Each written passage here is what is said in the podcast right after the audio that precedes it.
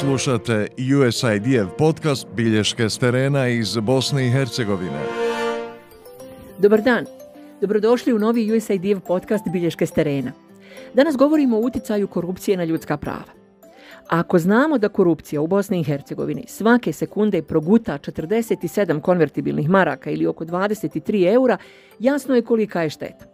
Zapošljavanje, javne nabavke, dodjele raznih dozvola i mnogi drugi procesi finansirani javnim novcem su opterećeni raznim oblicima korupcije, od nepotizma preko mita i drugih nezakonitih oblika donošenja odluka. Na ovaj način su ugrožena prava najboljih da budu izabrani, pravo najugroženijih da dobiju najadekvatniju pomoć i uostalom prava svih građana da od vlasti dobiju najbolji mogući servis. Primjera radi, ombudsmeni za ljudska prava u Bosni i Hercegovini svake godine dobiju oko 3000 žalbi građana, dakle desetak dnevno. Građanima su ugrožena socijalna, radna, obrazovna, zdravstvena, imovinska prava na vodu ili zrak i mnoga druga prava, a ugrožavaju ih pravosuđe, poslodavci, institucije sistema vlasti, sektor za socijalnu brigu, razne agencije i javna preduzeća. Ombudsmani primjećuju da je često posljedica ovih kršenja ekstremno siromaštvo. Najugroženiji su mladi, djeca, osobe sa invaliditetom, penzioneri, žrtve nasilja, dakle svi oni za čiju zaštitu se raznim međunarodnim aktima i ustavom obavezala vlast u Bosni i Hercegovini i za koje treba više novca nego ga ima. A zašto ga nema? Pogađate. Pojela ga je korupcija. USAID sa svojim bosansko-hercegovačkim partnerima ulaže velike napore da ojača institucije sistema vlasti zadužene za zaštitu ljudskih prava, ali i nevladine organizacije i neformalne grupe građana koji ih nastoje kvalitetnije zaštititi sami. Za početak pitamo Jasminku Džumkur, jednu od tri ombudsmena Bosne i Hercegovine za ljudska prava, šta ona uočava. Veoma velika je veza i sprega između korupcije i ljudskih prava. Znači, ljudska prava u cilju osiguranja ljudskih prava koriste se kao instrument za koruptivne radnje, a istovremeno i građani u procesu ostvarivanja svojih ljudskih prava često su uslovljeni kroz određene koruptivne radnje, ali su te radnje manjeg značaja možda su šire rasprostranjene kroz davanje određenog dara, usluge, mita i tako dalje, za razliku od ovih e, sistemskih gdje se donose odluke o velikim sredstvima. Znači u svim sferama. Ja uvijek idem od onoga da je zdravstvo socijala, jer to je najveći broj najugroženije su kategorije i to su na, naj, najveće potrebe.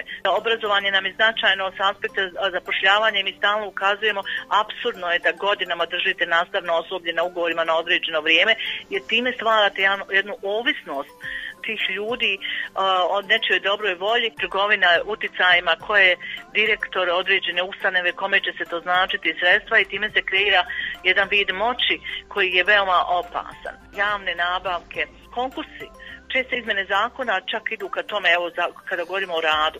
Ako aplicirate na konkurs i nezadovoljni ste, i ako ste najbolji kandidat, e, odlučite u javnim institucijama da se izabere sa liste uspješnije. Pa što onda sprovodimo konkurs, onda uzmimo odmah, ne treba nam bodovanje ko je najuspješniji, uzmimo bilo koji koji je prošao na toj listi uspješnih kandidata, ukida se mogućnost pravnog lijeka, odmah se ide za sudsku zaštitu, sudski postupci traju jako dugo. Ako angažujete inspekciju, inspekcija se oglašava nenadležnim, inspekcijske organe treba jačati, treba im dati šire, šira ovlaštenja u onom smislu da su oni preventivni organi, ali i istovremeno jačati kapacitete da ni oni ne budu podložni određenim koruptivnim radnjama. Kada govorimo o korupciji i ljudskim pravima, onda jedan segment je veoma značajan, to je pitanje instrumenta koji e, služi za ostvarivanje transparentnosti u demokratskom društvu, to je sloboda pristupa informacijama. Činjenica da mi iz godine u godinu imamo povećan broj žalbi koji se odnosi na pristup informacijama i da imamo da 10% najveći broj preporuka koji izdajemo odnosi se na slobodu pristupa informacijama je indikator da se nastoji upravo kroz slobodu pristupa informacijama, ograničavanje slobode pristupa informacijama, onemogućiti građanima da se sazna informacija o trošenju javnih sredstava i veoma je važno jačati znači to proaktivno objavljivanje informacija. Bilješke s terena iz Bosne i Hercegovine. Osim ombudsmena, najviše informacija sa terena vjerovatno imaju u USAID-evom projektu Podrška građanima za borbu protiv korupcije.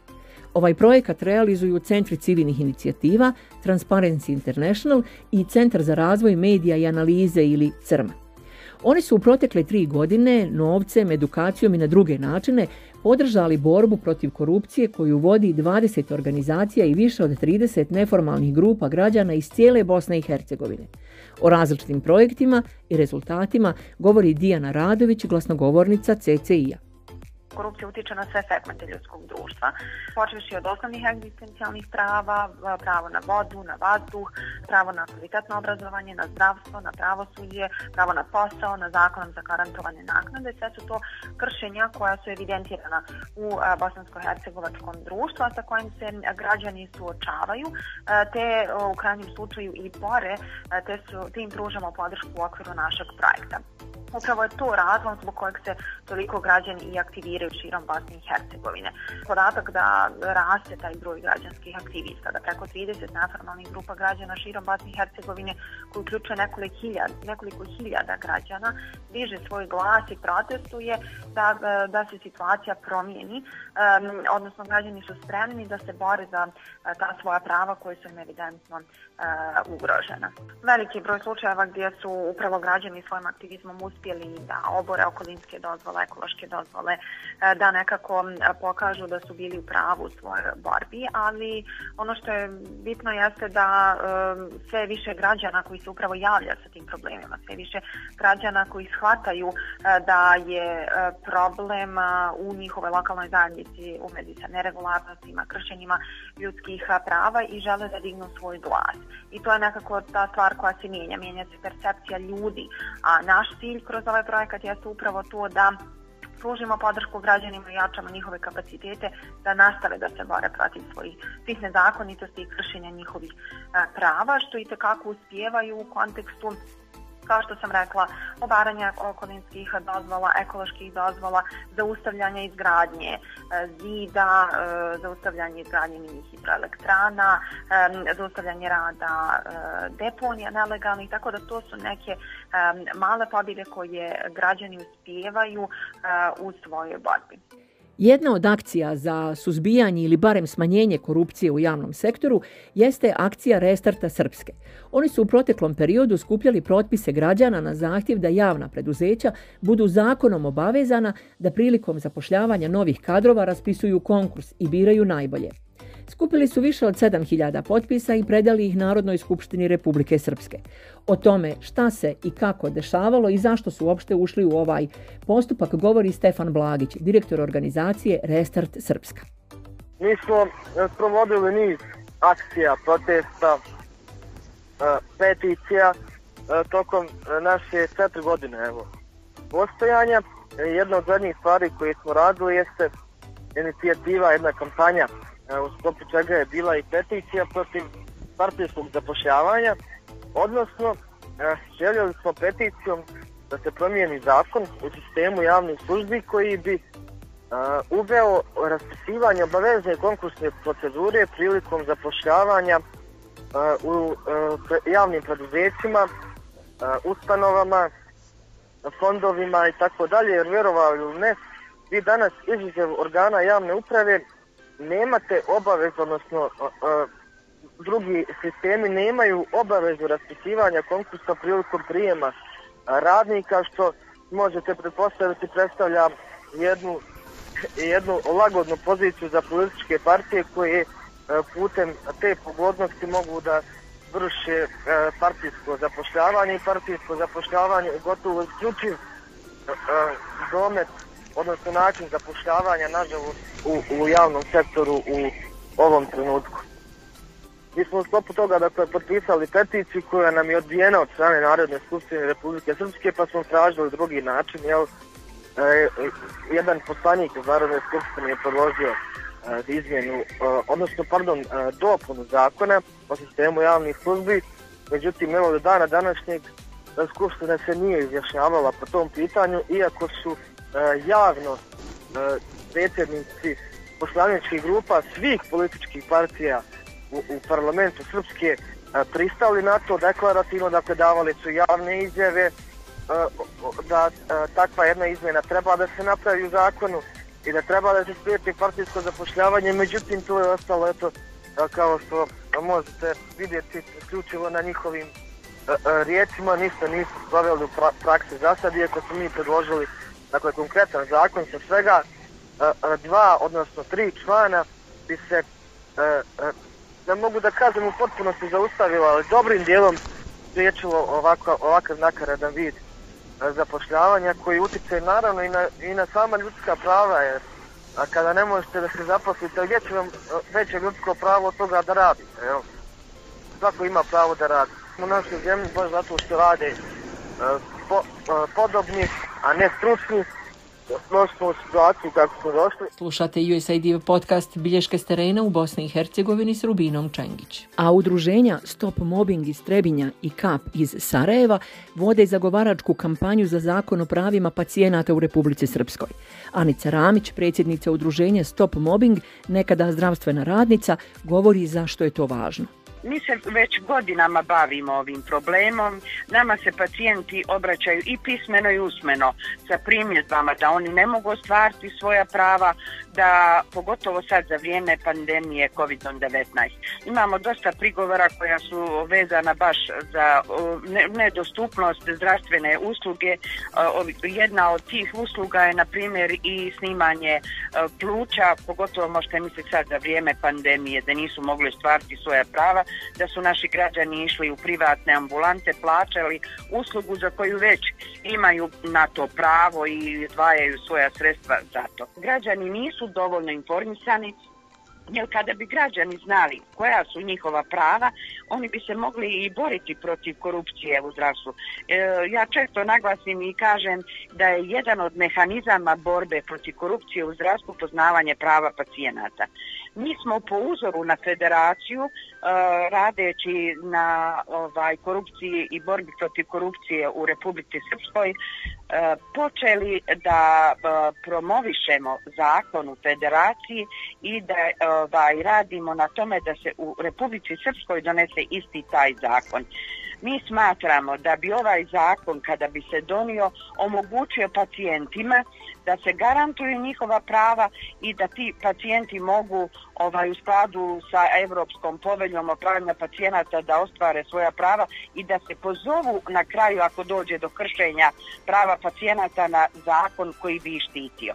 Ovo bi naglasila samo da smo mi nedavno imali jedan slučaj, eto sad je ona već, ona je, žena je mlada, umrla, Dijana ovaj, e, Milovanović, ona je e, žena koja je bila u, u urgentnom kliničkom centru, koja je eto, dugo ležala, suprug se nama obratio, mi smo napisali prigovor koji je vezan za kršenje prava te pacijentkinje i za ovaj nedostupnost od, od toga da njen suprug nije mogao da dobije uvid u njenu medicinsku dokumentaciju, do toga da ona nije dobila pravo da ide na liječenje van Republike Srpske.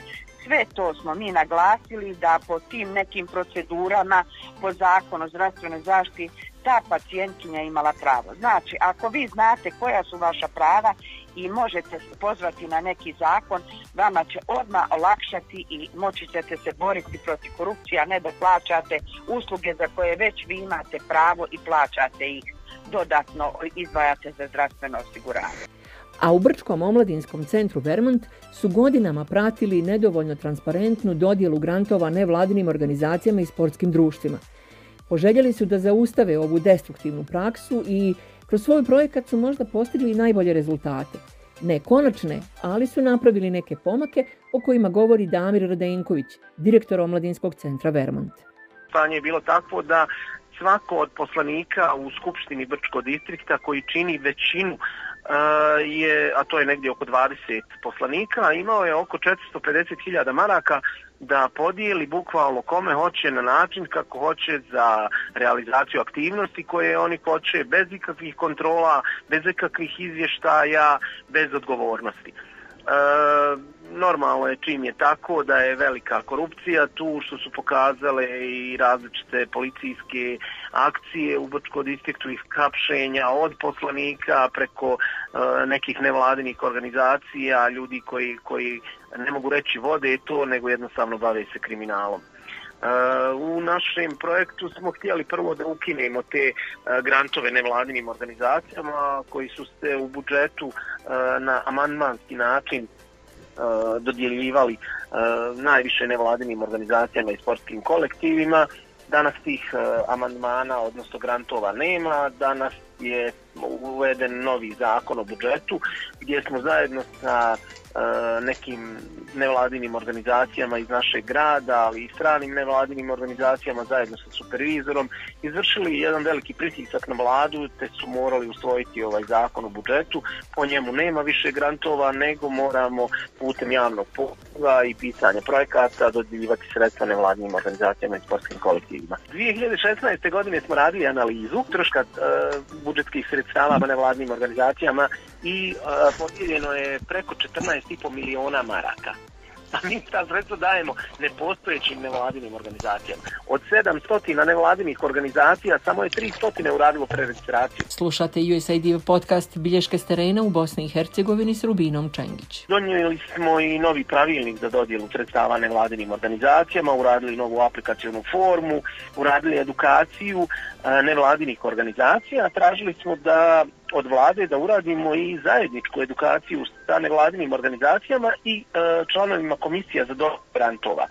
Jer e, svako od tih komisija u različitim odjeljenjima drugčije tumači projekt i nekako neznanje je naš najveći neprijatelj.